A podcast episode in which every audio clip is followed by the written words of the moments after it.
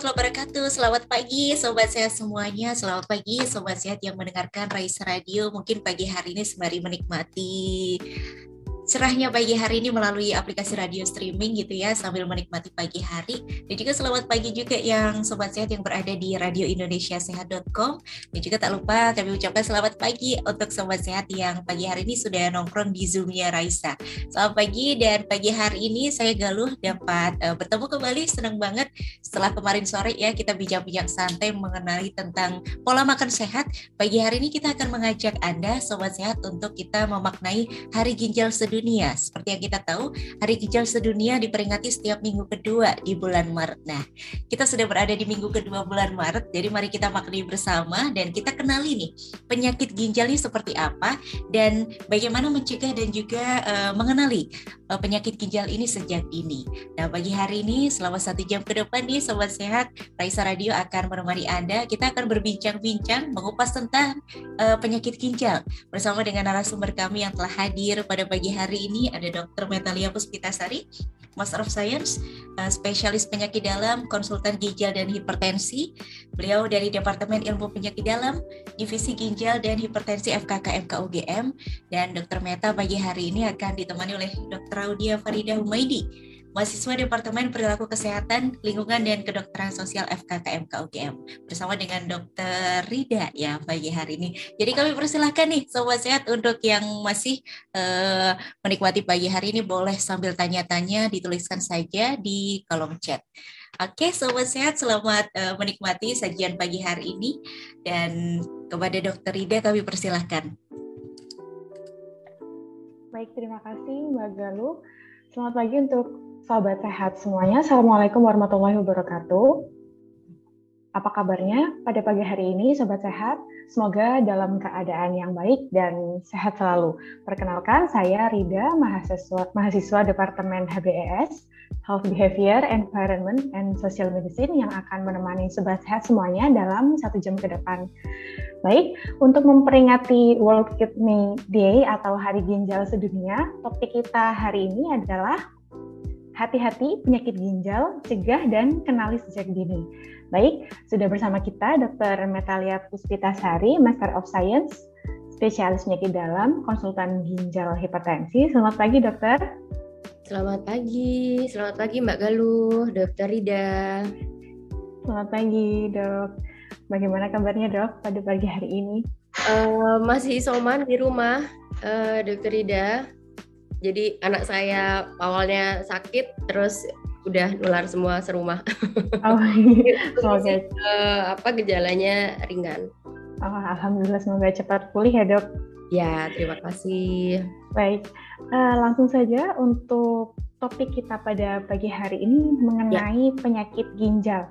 Jadi uh, untuk penyakit ginjal ini seperti apa sih dok keadaan yang bagaimana yang disebut ginjal kita ini mengalami gangguan begitu dok monggo dokter ya baik terima kasih uh, dokter Ida uh, sebelumnya mungkin uh, saya ingin uh, sedikit menanggapi apa yang tadi Mbak Galuh sampaikan ya terkait dengan World Kidney Day mungkin tidak semua orang uh, familiar ya dengan adanya Hari Ginjal Sedunia di mana betul tadi Mbak Galuh sampaikan Hari Ginjal Sedunia atau World Kidney Day itu diperingati setiap tahunnya di bulan Maret.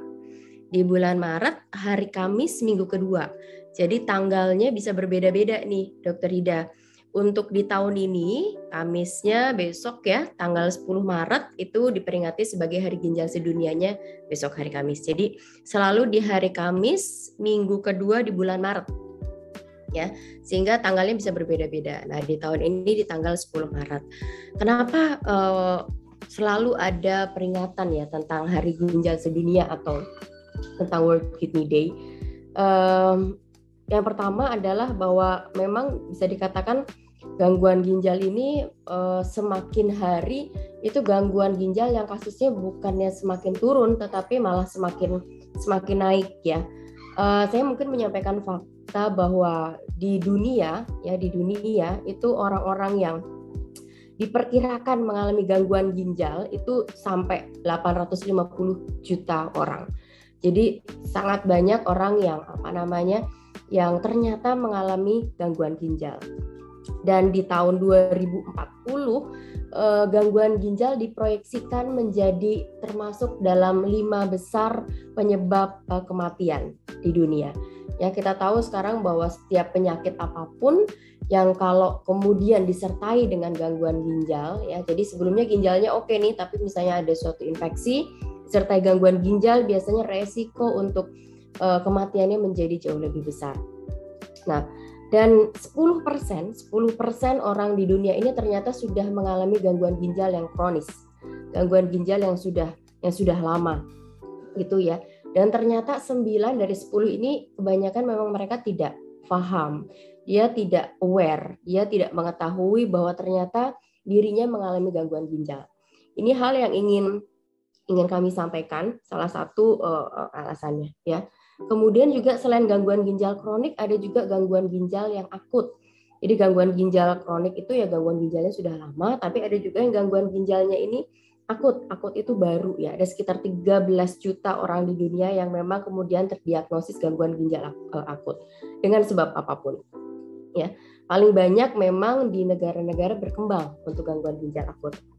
Kemudian juga terkait dengan gangguan ginjal yang akhirnya membutuhkan uh, terapi pengganti ginjal. Terapi pengganti ginjal di sini ada transplantasi ginjal, ada hemodialisis atau cuci darah, dan ada peritoneal dialisis. Orang pada bilang katanya cuci perut ya. Jadi sebenarnya ada cairan dimasukkan ke perut. Salah satu juga pro, uh, pros, uh, proses yang dilakukan untuk untuk membersihkan racun dalam dalam tubuh ya. Dan ternyata ada sekitar 2,6 juta orang saat ini yang memang membutuhkan baik itu transplant, HD hemodialisis maupun peritoneal dialisis. Dan diproyeksikan di tahun 2030 ya 2030 dari angka 2,6 ini resiko untuk uh, masyarakat ada yang kemudian mengalami gangguan ginjal itu naik dua kali lipat ya. Dibandingkan sekarang kemudian 2030 dari sekitar 2,6 di 2030 mencapai lebih dari 5 juta orang kemungkinan yang kemudian bisa mengalami gangguan ginjal. Nah, e, tentunya hal-hal ini menjadi e, menjadi apa ya?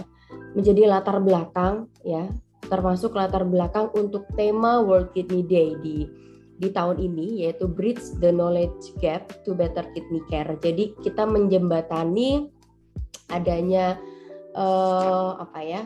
Um, uh, pengetahuan ya. Kurangnya pengetahuan dari masyarakat tentang gangguan ginjal gitu. Jadi kita ingin menyampaikan sebenarnya gangguan ginjal itu uh, apa sih? Bahayanya apa sih?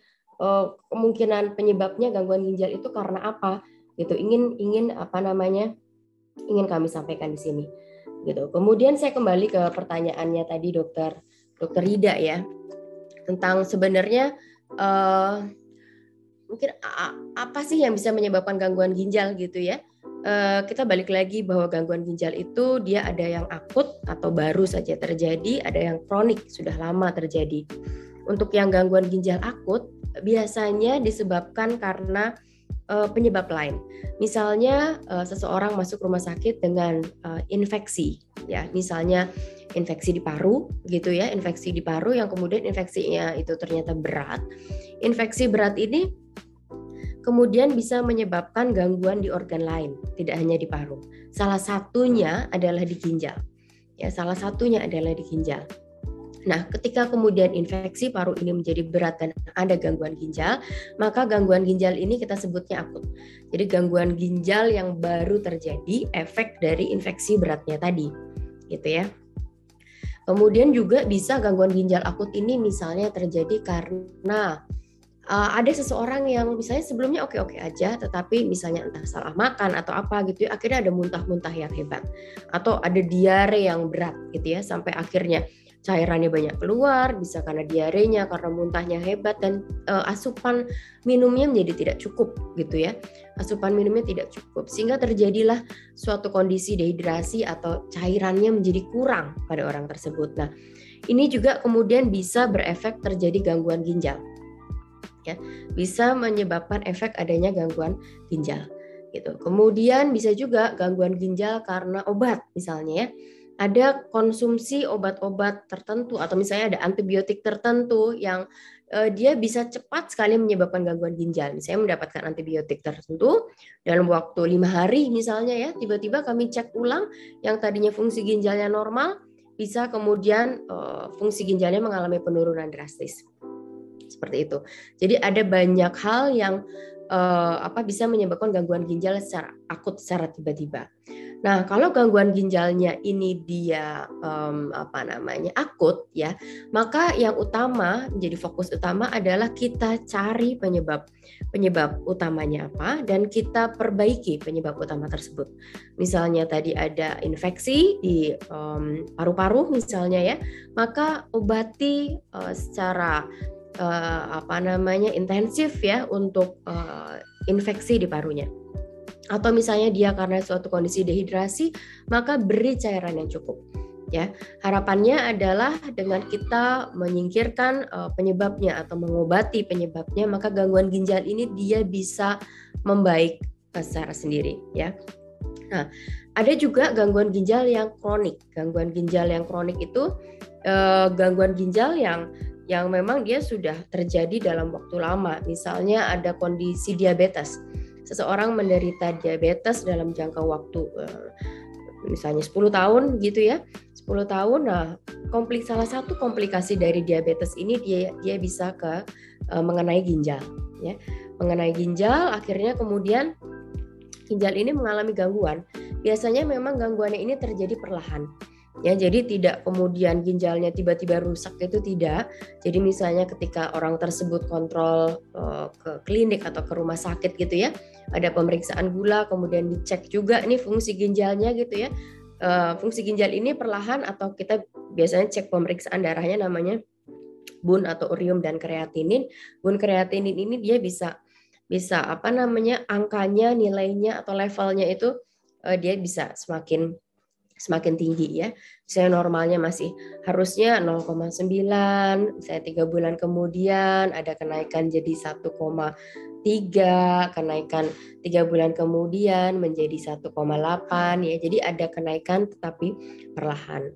Nah, untuk gangguan ginjal kronik ini penyebabnya banyak sekali. Terutama adalah biasanya memang ganggu, uh, penyakit yang memang uh, berada di berada di uh, tubuh tubuh kita dalam waktu lama, misalnya diabetes, ya, uh, hipertensi, atau misalnya ada gangguan jantung yang uh, berat, misalnya ya, ada batu, ada batu di ginjalnya, kemudian misalnya ada um, buang air kecilnya berbusa, ya, bisa juga ada infeksi yang tidak diobati dengan uh, efektif sehingga infeksi ini kemudian dia bisa naik infeksi ini bisa naik infeksi saluran kemih ini bisa naik ke ke ginjalnya atau bisa ada muncul kista di ginjalnya ya. Jadi uh, apa banyak hal yang apa namanya bisa menyebabkan gangguan ginjal.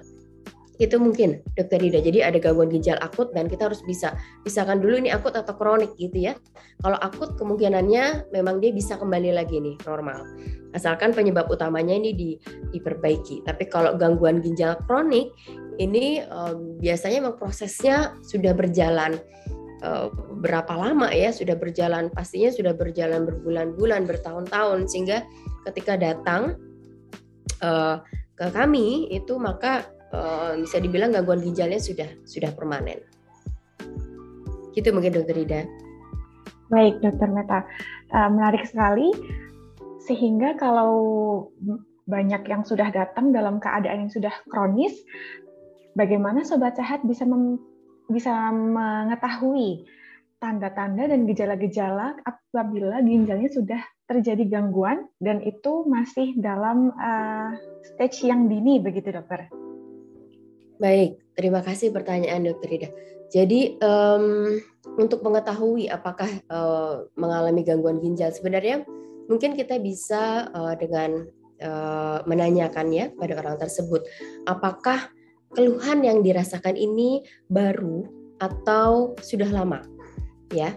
Kalau memang eh, keluhan ini dirasakan misalnya sebelumnya saya, bisa buang air kecilnya baik. Tiba-tiba dalam waktu tiga hari saya nggak bisa buang air kecil misalnya ya.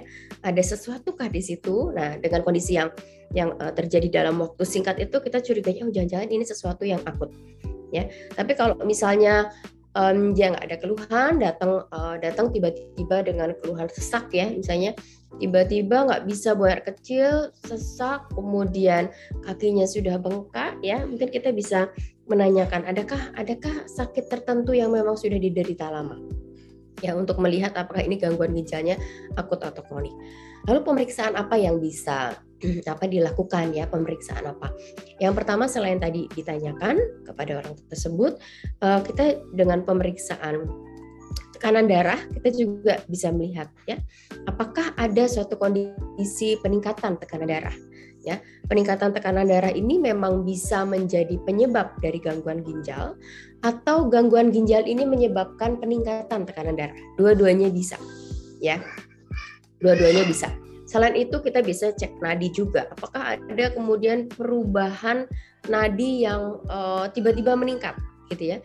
Perubahan nadi tiba-tiba meningkat gitu. Bisa saja perubahan nadi tiba-tiba meningkat ini karena sesak yang terjadi akibat dari gangguan ginjal atau misalnya suatu kondisi dehidrasi ya. Kemudian pernafasan pun ya dari pemeriksaan bisa bisa tiba-tiba cepat ya kemudian selain itu dari pemeriksaan uh, pemeriksaan uh, tubuh ya bisa didapatkan adanya bengkak ya. Bengkak itu bisa di mana saja. Kalau memang penyebab dari gangguan ginjalnya karena ada protein yang banyak bocor lewat ginjal maka bengkaknya dia bisa seluruh tubuh ya.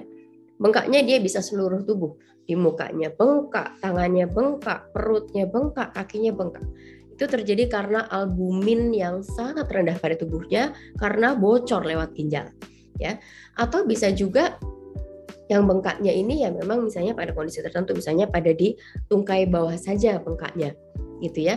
Misalnya ternyata gangguan eh, apa namanya tensi yang tinggi ini menyebabkan adanya gangguan ginjal dan juga disertai dengan gangguan jantung. Itu bisa. Kemudian selain itu dari pemeriksaan kita juga bisa lihat wajahnya itu pucat ya jadi wajah pucat atau anemia ini juga bisa menjadi salah satu uh, tanda atau marker adanya gangguan uh, ginjal yang lama ya Kenapa? Karena salah satu fungsi dari ginjal selain uh, dia juga berfungsi untuk mengeluarkan urin ya, dia juga mengeluarkan racun-racun, urium, dia juga ada suatu hormon namanya hormon eritropoietin yang diproduksi oleh ginjal. Ketika ginjal sudah mengalami gangguan yang lama, maka hormon ini tidak diproduksi lagi oleh ginjal atau produksinya menurun. Efeknya apa? Hormon eritropoietin ini dia berfungsi untuk membentuk HB, membentuk hemoglobin. Ya. Uh, jadi kalau misalnya gangguan ginjal ini sudah lama, maka HB-nya, hemoglobinnya itu turun. Jadi cenderung mengalami anemia atau kekurangan darah. Ya, jadi uh, ini juga menjadi salah satu tanda kalau misalnya ada datang dengan kelainan ginjal dan kemudian HB-nya turun tanpa ada perdarahan apa pun, tidak ada buang air besarnya hitam, tidak ada mimisan, tidak ada luka apa pun, kemudian makannya bagus gitu ya, bukan karena anemia yang kekurangan zat besi gitu juga bukan ya, makannya bagus gitu ya, tapi kemudian HB-nya turun dengan ada gangguan ginjal, mungkin saja ini memang eh, apa namanya anemia terkait dengan gangguan ginjal gitu. Kemudian uh, apalagi bisa saja buang air kecilnya ini menurun. Ini menjadi salah satu keluhan yang dirasakan. Buang air kecilnya kok sedikit sekali ya dok, gitu ya. Padahal minumnya cukup, makannya cukup, dan kemudian badannya terlihat bengkak. Ya itu dari dari pemeriksaan tubuh. Kemudian dari pemeriksaan laboratorium, apa yang bisa diperiksa? Tentunya selain tadi HB, juga melihat fungsi ginjal. Kita bisa lakukan pemeriksaan bun atau urium dan kreatinin. Ya, dua pemeriksaan sederhana itu bisa melihat uriumnya, racun dalam tubuhnya tuh jadi tinggi sekali atau tidak gitu ya. Normalnya harusnya sekitar di bawah 20. Tapi ketika ada gangguan ginjal bisa naik tinggi sekali. Bisa jadi 40, 80, bisa 100. Bahkan kami beberapa kali menemukan ada yang sampai uriumnya atau bunnya ini naik sampai 200 lebih. Ya. Kemudian kreatininnya pun ini bisa naik. Kreatinin normalnya harusnya di bawah 1,2, di bawah 1,3, tapi kondisi tertentu kreatinin bisa bisa naik tinggi sekali jadi 8, jadi 10 dan sebagainya. Ya. Ini pemeriksaan sederhana yang mungkin bisa diperiksa ya untuk pemeriksaan darah, bun kreatinin, kemudian juga kita bisa lihat pemeriksaan uh, elektrolit kita sebutnya ya. Ada seperti pemeriksaan garam-garaman yang ada dalam tubuh nih, natriumnya, kaliumnya gitu ya. Ketika seseorang memang sudah mengalami gangguan ginjal, maka elektrolit ini menjadi tidak seimbang. Natriumnya jadi nggak seimbang, kaliumnya tidak seimbang. Kalium ini bisa terus tiba-tiba angkanya naik tinggi sekali ya karena kalium ini nggak bisa keluar lewat air kencing karena air kencingnya tiba-tiba berhenti misalnya ya airnya tiba-tiba berhenti akhirnya kaliumnya tinggi sekali kaliumnya tinggi kemudian eh, apa namanya ini bisa berbahaya karena bisa menyebabkan gangguan di di jantung akibat kalium yang tinggi. Kemudian pemeriksaan lain kita bisa lakukan pemeriksaan air kencing ya, urin, pemeriksaan urinalisis. Pemeriksaan air kencing ini terutama untuk melihat adakah adakah infeksi yang muncul di situ, adakah protein atau albumin ya yang bocor lewat air kencing gitu ya, atau adakah sesuatu misalnya ada gula yang keluar akibat dari diabetesnya misalnya ya, atau adanya uh, bakteri di situ. Jadi ada banyak hal yang bisa kita lihat dari pemeriksaan urin. Gitu. Mungkin itu Dokter Ida beberapa apa pemeriksaan yang bisa kita lakukan. Baik, dokter. Uh, jadi dengan serangkaian gejala, mungkin uh, sobat sehat bisa lebih waspada. Kira-kira apakah sudah ada gangguan yang terjadi sama ginjalnya begitu ya dokter? Nah, kalau memang ternyata ada beberapa gejala yang dirasakan seperti itu, uh, sebaiknya dokter mana yang dituju oleh sobat sehat? Seperti itu dokter. Terima kasih. Silakan. Baik. Terima kasih Dokter Ida. Jadi untuk gangguan um, ginjal ini uh, bisa nanti dari uh, sobat sehat uh, bertemu ya atau berkonsultasi dengan dokter penyakit dalam ya dengan dokter penyakit dalam atau sebenarnya mungkin bisa dengan dokter penyakit dalam sambil nanti dilihat ini gangguan ginjalnya ke arah apa. Kalau misalnya gangguan ginjalnya karena adanya uh, pembesaran prostat misalnya ya, adanya pembesaran prostat itu bisa kemudian uh, dikonsultasikan ke misalnya sejawat urologi, bedah urologi. Apakah kemudian prostat yang membesar yang menyebabkan adanya gangguan aliran kencing gitu misalnya ya, perlu dilakukan tindakan tertentu. Atau kalau misalnya uh, gangguan ginjalnya ini disertai dengan adanya tumor di daerah ginekologi di daerah uh, rahim misalnya ya. Ini bisa uh, dari dokter penyakit dalam kemudian ke sejawat obskin atau kandungan gitu ya. Nah, selain dari penyakit dalam tentunya juga bisa ke kami jadi penyakit dalam yang khusus konsultan untuk ginjal hipertensi. Gitu ya. Kemudian untuk uh, yang lain-lain tentunya harus mencari uh, tahu juga kemungkinan uh, kemungkinan gangguan ginjalnya ini karena apa, ya. Misalnya disertai dengan adanya gangguan jantung yang berat, gitu ya. Bisa juga misalnya uh, penyakit dalam ini uh, misalnya berkolaborasi merawat pasien tersebut dengan sejawat dari uh, kardio, misalnya seperti itu. Ya. Jadi uh, tergantung dari kondisi yang uh, menyertai ya. Jadi bisa ke dokter penyakit dalam atau ke dokter penyakit dalam yang sudah konsultan ginjal hipertensi ya disertai dengan uh, misalnya rawat bersama atau uh, apa namanya perawatan dengan dengan dokter lain. Itu mungkin. Baik, Dokter Meta. Uh, tadi kalau dokter juga sudah sempat menyebutkan bahwa penyakit ginjal ini dampaknya bisa ke mana-mana, bahkan uh, ini diproyeksi menjadi lima besar penyakit yang akan menyebabkan kematian seperti itu ya dok. Nah, memang kalau sudah terkena penyakit ginjal, komplikasinya ini seperti apa dokter? Monggo dok. Baik, jadi uh, komplikasi dari gangguan ginjal ini hmm, ada ada beberapa ya. Yang pertama itu adalah terkait dari uh, ada elektrolit namanya ya, garam-garaman yang bisa tidak seimbang dalam tubuh. Ya, yang tadi contohnya misalnya kaliumnya tinggi. Ya, kaliumnya tinggi ini um, jika misalnya uh, memang pipisnya sudah berkurang gitu ya, dan akhirnya uh, memang butuh untuk dilakukan uh, terapi pengganti ginjal. Terapi pengganti ginjal ini bukan terapi untuk mengobati ginjal ya, jadi terapi pengganti ginjal ini seperti cuci darah, CAPD ya, atau transplant itu adalah hal yang dilakukan uh, karena ginjalnya memang sudah tidak berfungsi dengan baik. Ya, karena ginjalnya sudah tidak berfungsi dengan baik, maka kemudian uh, misalnya dengan hemodialisis dengan cuci darah, si mesin ini ini uh, apa namanya berperan sebagai sebagai ginjal ya untuk mengeluarkan racun, untuk menarik cairan dalam uh, kelebihan cairan dalam tubuh gitu ya. Yang harapannya meskipun ginjalnya sudah uh, mengalami kerusakan, uh, alat ini atau mesin ini tetap bisa menjaga orang tersebut memiliki kualitas hidup yang baik. Gitu ya. Uh, jadi seakan-akan ya ini kayak um, ginjal ginjal buatan supaya uh, orang tersebut bisa tetap uh, hidup dengan kualitas yang uh, baik gitu ya tanpa ada bengkak besar di badannya gitu ya tanpa ada kalium di dalam darahnya yang yang tinggi seperti itu. Nah, itu menjadi salah satu uh, apa namanya hal yang perlu diperhatikan ya. Jadi yang pertama adalah kalium tadi.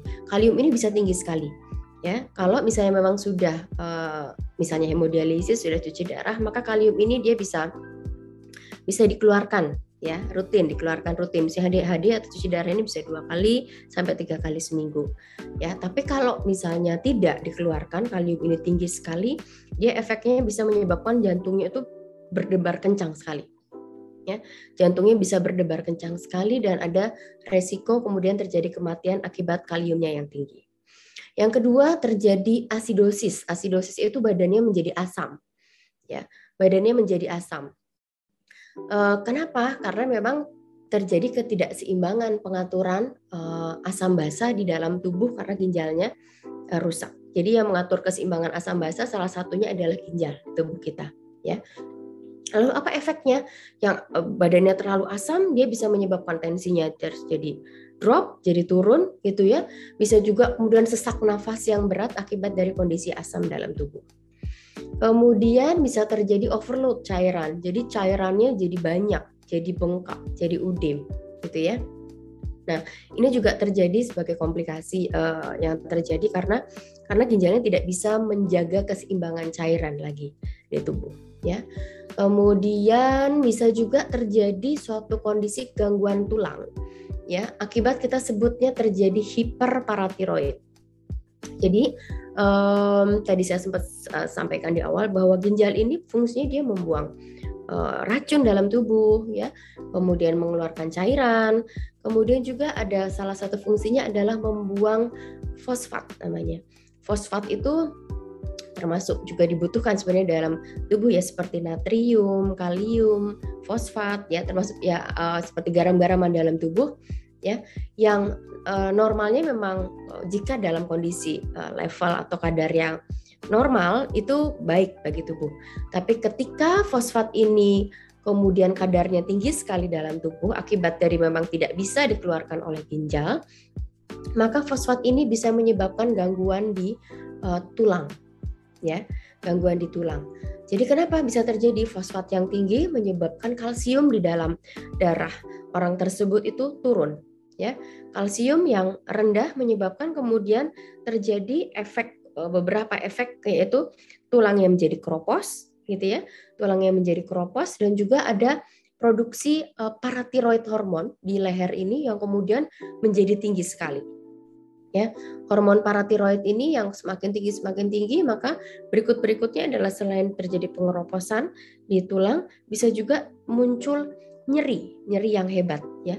Nyeri yang hebat baik itu di tulang di sendi gitu ya. Selain itu juga bisa menyebabkan adanya kelainan di pembuluh darah sehingga pembuluh darahnya itu bisa kemudian uh, diselubungi ya atau adanya sumbatan akibat dari penumpukan atau penempelan kalsium di pembuluh darah. Ya, jadi ada resiko uh, apa namanya kalsiumnya tinggi, kemudian menumpuk di situ ya, menumpuk atau kaku pembuluh darahnya sehingga kemudian tensinya bisa tidak bisa terkontrol ya karena pembuluh darahnya sudah tidak uh, fleksibel lagi gitu ya ada penumpukan di mana-mana penumpukan kalsium disertai juga ada penumpukan uh, trombus ya sumbatan yang kemudian dia bisa bisa lepas sumbatannya itu dan menyebabkan adanya um, serangan misalnya serangan jantung atau stroke akibat dari uh, uh, apa ketidakseimbangan fosfatnya tadi. Ya. Kemudian yang lain komplikasi anemia, saya pikir tadi saya sudah sampaikan di awal kemungkinannya uh, apa namanya anemia terjadi karena hormon uh, eritropoietin yang tadi menurun. Ini sudah ada satu uh, peserta yang akan bertanya, sudah raise hand. Uh, mungkin uh, saya persilakan dulu ya, Dr. Meta untuk penanya yang saat ini. Silakan untuk Mbak Diana Novianti. Iya, terima kasih Dr. Ida dan Dr. Meta. Uh, jadi uh, saya sangat tertarik sekali dengan topik pada pagi hari ini tentang ginjal. Kenapa? Uh, karena saya termasuk orang yang punya pengalaman buruk dengan masalah ginjal. Jadi gini dok, uh, pertama itu di tahun 2020 uh, ayah saya itu meninggal karena ginjal gitu. Nah, sebelumnya memang uh, ada riwayat hipertensi dan diabetes. Jadi kalau menurut penjelasan dokter tadi kan memang ada keterkaitan gitu ya antara penyakit tersebut sehingga kemudian ada masalah ginjal seperti itu. Cuman pada saat itu yang agak sedikit mengganjal saya adalah uh, ketika kemudian ada opsi untuk dilakukan hemodialisa itu dokter mengatakan um, usianya sudah tidak muda lagi. Jadi waktu itu 69 tahun sih untuk seandainya dilakukan uh, cuci darah. Agak sedikit jadi inget-inget uh, jadi saat itu saya merasa um, memangnya untuk hemodialisa ini pada kondisi apa sih sebenarnya cukup efektif untuk dilakukan gitu loh? Dalam kondisi apa dan pada usia berapa? Sehingga pada saat itu yang ayah saya umur 69 dianggap kurang efektif dan ternyata memang pada akhirnya meninggal pada saat itu itu kejadian yang pertama. Kemudian hal kedua yang semakin membuat saya menjadi lebih trauma juga, dua orang teman saya itu juga meninggal dengan masalah yang sama ginjal. Namun riwayatnya adalah um, mereka itu punya uh, kebiasaan mengkonsumsi minuman berenergi. Saya ingin tahu juga ini memangnya ada hubungan langsung apa sih dengan um, kebiasaan mengkonsumsi minuman berenergi sehingga kemudian terjadi masalah ginjal itu memang keterkaitannya itu di mana. Jadi dua hal itu yang sampai saat ini agak sedikit mengganjal saya dan sekaligus juga agak membuat saya khawatir juga ini bagaimana sih saya deteksi awal supaya tidak mengalami hal serupa seperti itu. Terima kasih dokter. Baik, terima kasih Mbak Diana Novianti untuk pertanyaannya. Jadi, uh, yang pertama adalah untuk hemodialisa ini usia dan kondisi seperti apa sih yang efektif untuk dilakukan uh, terapi hemodialisa atau cuci darah itu? Kemudian yang kedua, tentang penyakit ginjal ini penyebabnya apakah bisa berkaitan dengan minuman-minuman atau makanan-makanan tertentu seperti itu. Mungkin langsung saya persilakan untuk Dr. Meta. Baik, terima kasih. Terima kasih Dokter Ida. Uh, terima kasih pertanyaannya juga uh, dari Mbak Diana. Sebelumnya saya uh, menyampaikan turut uh, bela sungkawa ya atas meninggalnya ayahanda di tahun 2020. Uh, jadi betul gangguan ginjal ini um, penyebabnya macam-macam.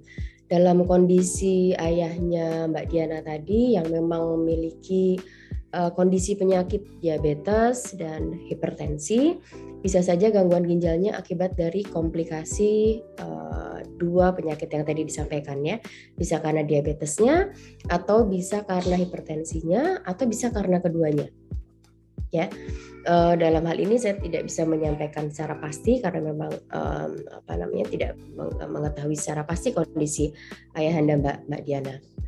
Lalu uh, kalau misalnya memang saat itu dari dokter yang merawat sudah bisa dikatakan uh, memang ini membutuhkan terapi pengganti ginjal, berarti kemungkinan gangguan uh, ginjalnya adalah memang sudah mengalami pada mas, masuk pada pada tahap tahap akhir bisa dibilang ya penyakit ginjal tahap akhir di mana penyakit ginjal tahap akhir ini memang sudah menjadi indikasi untuk dilakukan uh, terapi pengganti ginjal.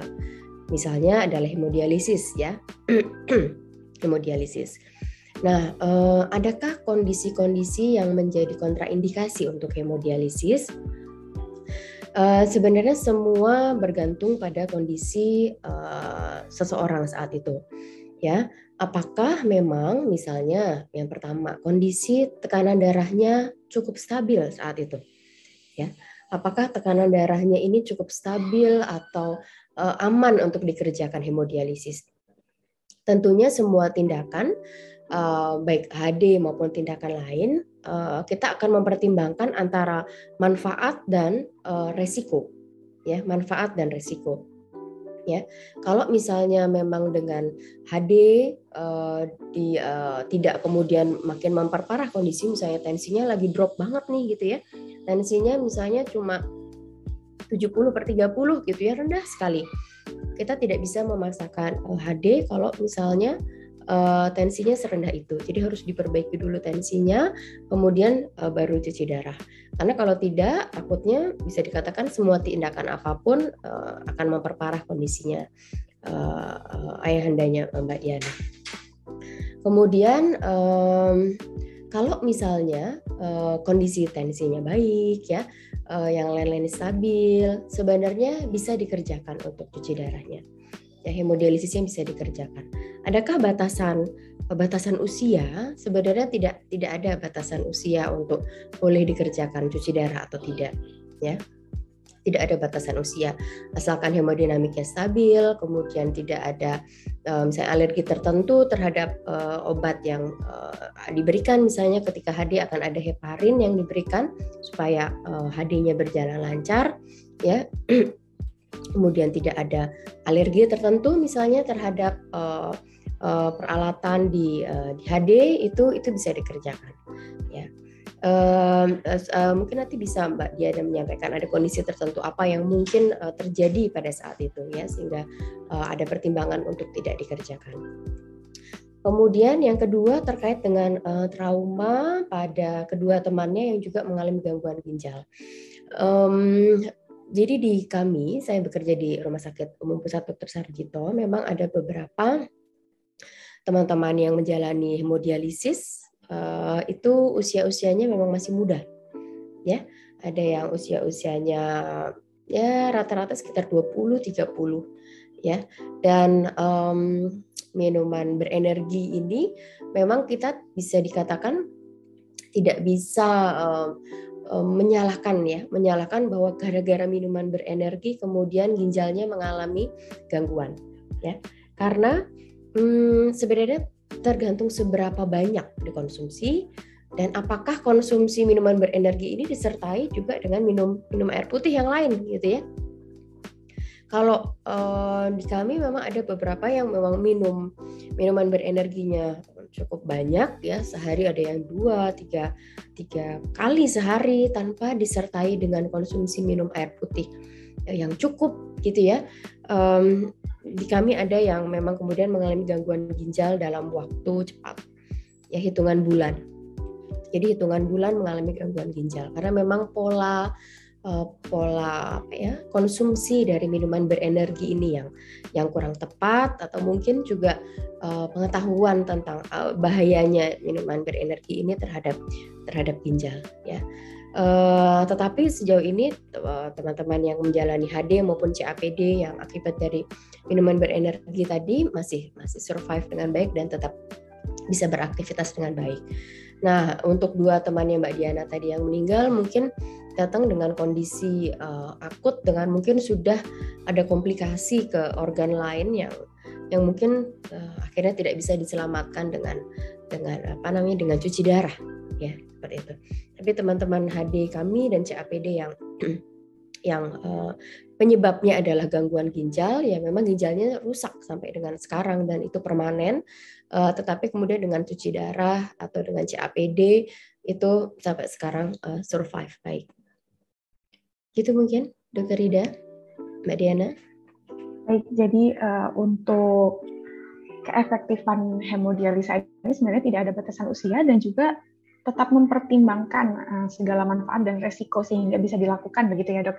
Apakah tekanan darahnya baik, apakah ada alergi, hemodinamiknya seperti apa, seperti itu. Dan untuk minuman berenergi sebenarnya uh, tergantung pola minumnya seberapa banyak dan juga apakah diiringi oleh kecukupan konsumsi air putih seperti itu ya dok. Nah ini dari sobat sehat sudah ada beberapa pertanyaan yang masuk. Ini uh, mungkin kita lebih membahas seputar uh, preventifnya ya dok ya. Gitu. Jadi ini untuk pertanyaan yang pertama dari Husna Faiza. Selamat pagi Mbak Husna Faiza. Ini pertanyaannya, uh, selamat pagi Raisa Radio. Setia menyimak pagi ini topiknya bagus, saya jadi penasaran dok, apakah kurang minum air putih itu dapat menyebabkan penyakit ginjal? Terima kasih dok. Monggo dokter Meta, saya persilakan. Baik, terima kasih pertanyaannya Mbak Husna.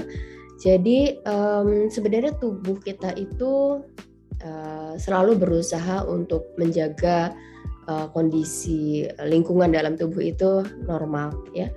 Ketika seseorang um, kemudian sudah merasa haus, berarti uh, jumlah cairan di dalam tubuh itu kurang ya.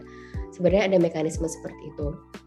Tetapi mungkin karena kesibukan tertentu gitu ya, jadi ketika sebenarnya tubuh sudah kekurangan uh, cairan, tidak diimbangi dengan jumlah cairan yang cukup. Sehingga tentunya iya ini berbahaya. Ya, berbahaya karena uh, misalnya ya pekerjaan apa ya? Misalnya uh, misalnya uh, uh, dokter gitu ya. Ada juga dokter yang memang kemudian karena dia harus operasi gitu ya, operasi dalam jangka waktu panjang, uh, uh, sengaja di awal operasi tidak minum misalnya gitu ya. Kenapa? Karena susah kalau lagi operasi kemudian di tengah-tengah harus ke kamar mandi buat buang air kecil gitu kan. Akhirnya kemudian sengaja nggak minum, kemudian dalam jangka waktu operasi yang panjang, eh, apa namanya, akhirnya kemudian minum setelah beberapa jam.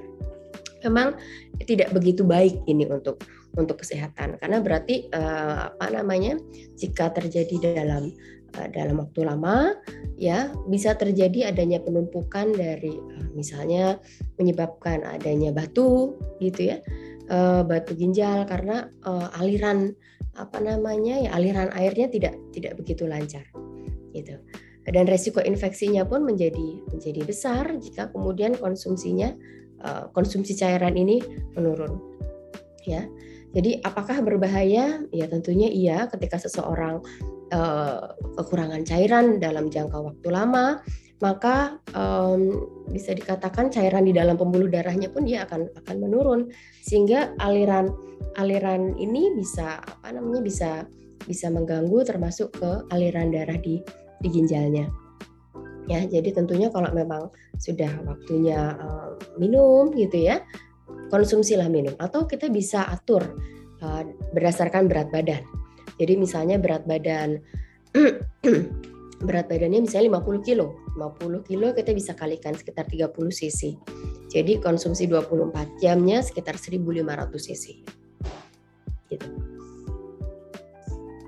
Baik dokter, jadi memang uh, kecukupan konsumsi air putih ini harus diterapkan dengan baik. Nah, seperti dokter Meta saat ini langsung minum ya dok. agar uh, kondisi ginjalnya selalu sehat. Kemudian untuk pertanyaan yang kedua, uh, pagi Dokter Meta, apa kabar dok? Semoga lekas sembuh. Terima kasih atas informasinya. Saya Niken izin bertanya dok, biasanya orang yang kena ginjalnya itu yang sudah usia lanjut. Lalu apakah anak muda itu juga bisa beresiko terkena penyakit itu dok? Ini dari uh, Niken, dokter. Selamat pagi Mbak Niken. Baik, apakah tergantung dengan usia juga nih dok. Monggo dokter Meta. Terima kasih eh, Mbak Niken. Jadi sebenarnya ya um, harapannya sih usia masih muda gitu ya. Usia masih muda, semua organ masih berfungsi dengan baik. Harapannya seperti itu. Asalkan memang pola hidupnya dijaga dengan baik. Nah, ketika usia muda kok ginjalnya mengalami gangguan, ada apa ini gitu ya? Berarti ada sesuatu. Apakah pertama usia muda ini misalnya pada anak-anak? Ada yang memang pada anak-anak ginjalnya sudah ada gangguan karena memang ada kelainan genetik di situ. Kalau ada kelainan genetik, misalnya ada ginjal yang cuma satu, ginjal satunya tidak berkembang atau ada tumor, ya kita tidak bisa lakukan apa-apa karena memang kelainan genetik. Tapi kalau misalnya usia muda kok ada gangguan, nah kita harus cari nih. Jangan sampai usia masih muda kemudian uh, ada faktor resiko tertentu yang dibiarkan, misalnya tadi suka minuman berenergi dalam jumlah yang sangat banyak, gitu ya. Saya nggak nggak bilang kalau jangan minum minuman berenergi sama sekali, enggak ya. Setiap orang mungkin punya kebutuhan-kebutuhan tertentu ya. Tapi misalnya eh, setelah konsumsi, maka minumlah air putih yang cukup, gitu ya. Minumlah air putih yang cukup. Hati-hati juga ketika mengkonsumsi obat-obat tertentu atau kadang ada jamu-jamu tertentu yang setelah minum minum jamu tersebut kemudian badannya rasanya uh, sehat bugar gitu ya. Nah, perlu dilihat kembali adakah kandungan tertentu dalam dalam misalnya jamu tersebut yang yang membahayakan. Selain itu misalnya pola makan baik, minumnya cukup, misalnya olahraganya oke, tiba-tiba ada gangguan ya mungkin memang perlu dicek ya. Kita bisa lakukan pemeriksaan urin atau air kencing, kita bisa lakukan USG ya, screening atau pemeriksaan general check up untuk lihat adakah sesuatu di ginjalnya kita ya karena memang gangguan baik gangguan ginjal maupun gangguan organ lain uh, harapannya sih kalau usia muda nggak ada gangguan tapi nggak menutup kemungkinan ada muncul gangguan-gangguan yang yang kita tidak ketahui. Dan dan mengetahui gangguan ginjal itu penting sekali. Dengan kita melakukan general check up kita tahu ada gangguan ginjal dan kita ketahui sejak dini ini ini penting. Ya sehingga harapannya uh, tidak terjadi uh, gangguan yang kemudian berkelanjutan akhirnya menyebabkan gangguan ginjal yang berat karena kalau sudah gangguan ginjal berat susah sekali bisa kembali lagi baik. Itu mungkin Mbak Niken. Baik, terima kasih Dokter Meta. Kemudian ini selanjutnya dari Sobat Sehat ada pertanyaan lagi dari Laili Fauzia. Selamat pagi Mbak Laili. Untuk pertanyaannya, Dok, bagaimana ciri tubuh dengan ginjal yang sehat? Saya jadi mikir tentang kesehatan ginjal saya ini, Dok. Terima kasih, Dokter. Monggo Dokter Meta. Bagaimana ciri tubuh? Ya, bagaimana ciri tubuh yang uh, dengan ginjal yang sehat? Baik uh, apa ya nggak ada ciri khusus tertentu ya. Tentunya uh, seseorang yang um, memang uh, bugar maksudnya kondisi tekanan darahnya bagus ya nadinya bagus, kemudian tidak ada keluhan apa pun, saya tidak ada mual, muntah, diare dan uh, bisa beraktivitas dengan baik, tidak ada sering keluhan lemas-lemas ya atau misalnya mual muntah akibat dari misalnya uriumnya yang tinggi ya, lemas karena misalnya HB-nya rendah ya atau ada tidak ada keluhan nyeri-nyeri uh, di daerah pinggang atau daerah perut, tidak ada bengkak. saya pikir itu kondisi yang baik ya um, untuk mengetahui secara pasti memang tidak bisa dengan um, kadang mungkin rasanya badannya oke-oke aja kok tiba-tiba ada gangguan ginjal karena memang tidak ada yang spesifik simptom spesifik untuk gangguan ginjal. Jadi penting sekali untuk melakukan pemeriksaan urin atau air kencing misalnya ya atau pemeriksaan screening uh, fungsi ginjal, bun kreatinin atau um, USG ginjal misalnya yang sederhana seperti itu untuk melihat secara sederhana saja ada gangguan atau tidak. Baik, jadi uh, memang kondisi yang spesifik untuk menunjukkan bahwa ini adalah penyakit ginjal memang tidak ada tapi bisa diperhatikan mungkin ya dok ya apakah keluhan keluhan-keluhan kecil yang bisa jadi itu tidak disadari dok ya kalau itu ternyata mengarah ke ginjal sehingga sebaiknya melakukan general check up secara rutin begitu ya dok barangkali. Kemudian ini ada pertanyaan lagi dari Ilham Akbar. Selamat pagi Mas Ilham Akbar. Pertanyaannya dok apakah benar terlalu banyak ngopi itu berpengaruh ke gangguan ginjal Nah ini mungkin anak sekarang banyak yang ngopi ya dok ya jadi gaya hidup nih kalau nggak ngopi nggak enak ya dok ya. Mungkin bisa dijelaskan dok apakah ada kaitannya antara kopi dengan gangguan ginjal? Baik, terima kasih pertanyaannya Mas Ilham Akbar. Jadi sebenarnya tidak ada secara langsung ya kopi menyebabkan gangguan ginjal gitu juga enggak enggak ada. Jadi yang penting ya kopi silahkan saja asalkan berikutnya ya minum minum air putihnya cukup ya. Jadi sebenarnya tidak usah mempersulit hidup yang sudah sulit. Boleh aja konsumsi kopi jangan sampai kemudian aduh takut ada gangguan ginjal padahal suka banget minum kopi jadi nggak minum kopi. Boleh aja silakan asal minumnya saja ditambah untuk yang air putih. Baik, berarti pada dasarnya semuanya harus dalam uh, takaran yang cukup ya dokter. Untuk pertanyaan selanjutnya dari Pak Aswat. Nah, ini pertanyaannya, maaf dong mau tanya, kenapa orang yang hipertensi dan diabetes yang cukup lama bisa terkena gagal ginjal dan pencegahannya seperti apa, dokter? Monggo, dokter Meta. Baik, terima kasih. Eh, kenapa bisa mengalami gangguan ginjal? Tentunya prosesnya lama ya. Um, tekanan darah yang tinggi itu menyebabkan adanya kerusakan-kerusakan di pembuluh darah ya pembuluh darah. Salah satunya karena kita bahas tentang ginjal, uh, kerusakan di uh, pembuluh darah ginjal. Uh, diabetes itu juga menyebabkan adanya hmm, apa ya semacam sel-sel inflamasi, adanya peningkatan sel inflamasi yang yang meningkat yang kemudian menyebabkan adanya kerusakan di ginjal perlahan-lahan gitu ya. Intinya adalah karena karena perjalanan penyakit dari diabetes dan tekanan darah tinggi ini menyebabkan kerusakan-kerusakan perlahan di baik di uh, um, sel-selnya, di um, di endotel kita sebutnya ya, di pembuluh darahnya, di bagian uh, ginjalnya, di bagian uh, penyaringan ginjalnya ya dan dan prosesnya memang berjalan terus-menerus dalam waktu yang yang lama. Ya, jadi uh, kenapa bisa terjadi ya karena memang perjalanan penyakit dari diabetes dan hipertensinya dan akan lebih parah atau lebih cepat gangguannya jika uh, diabetesnya ini tidak terkontrol atau hipertensinya ini tidak terkontrol. Ya, misalnya dengan uh, diabetes yang terkontrol, maka ada gangguan ginjal ini misalnya muncul 10 tahun kemudian. Ya, tetapi ketika diabetes ini tidak terkontrol atau hipertensi ini tidak terkontrol, gangguan ginjal itu bisa muncul lebih cepat, misalnya tiga tahun kemudian. Ya, jadi penting untuk bisa mengontrol baik diabetes dan hipertensi. Harapannya komplikasi yang terjadi itu terjadi secara lambat. Jadi kita tidak bisa menghentikan komplikasi, tidak bisa itu akan terjadi. Jadi goalnya adalah targetnya supaya komplikasi ini terjadinya lambat. Itu mungkin ya, Aswat. Pak Aswat, dokter. Ya.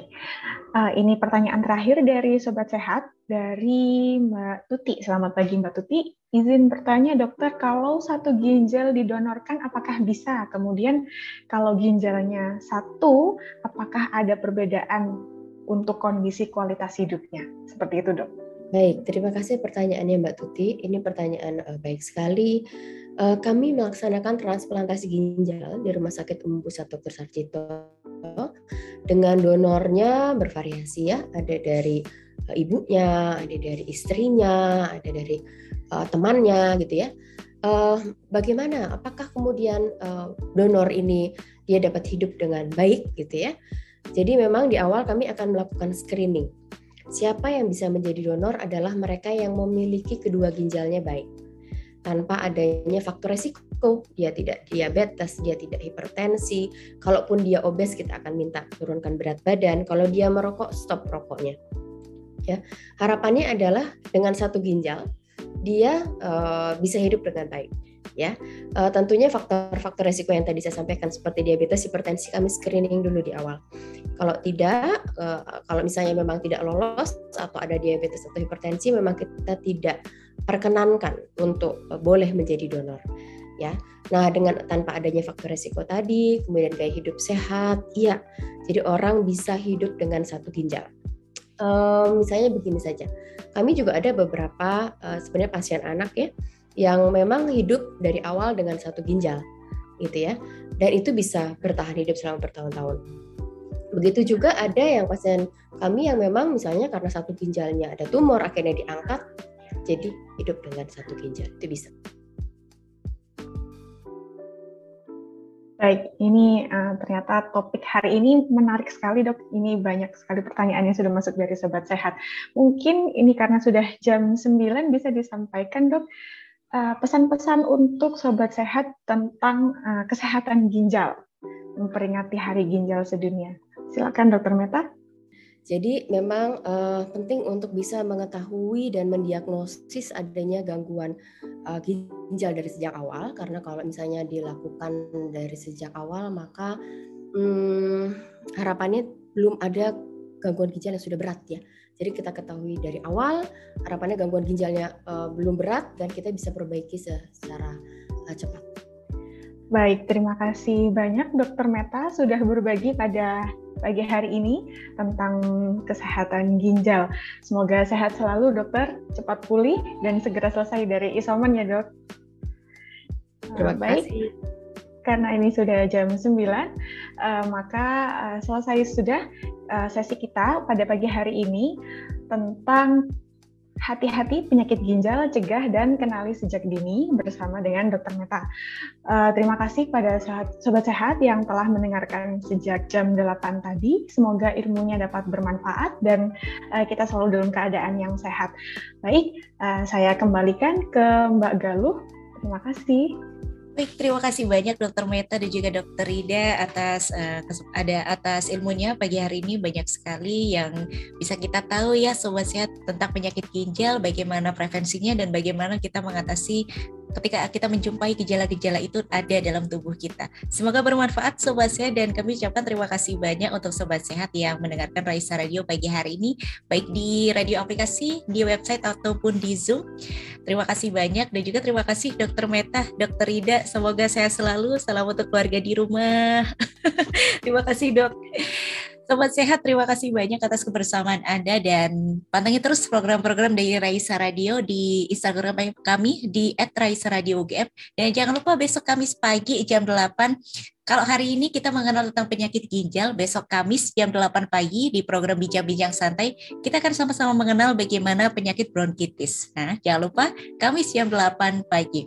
Dan juga terima kasih banyak Sobat Sehat, uh, informasi seputar Raisa Radio bisa Anda dapatkan di Instagram kami di @raisa_radio_ugm dan juga jangan lupa dengerin podcast kami untuk yang ketinggalan uh, siaran-siaran kami dari kemarin di podcast kami di Radio Indonesia Sehat atau uh, Raisa gitu ya di Spotify. Spotify.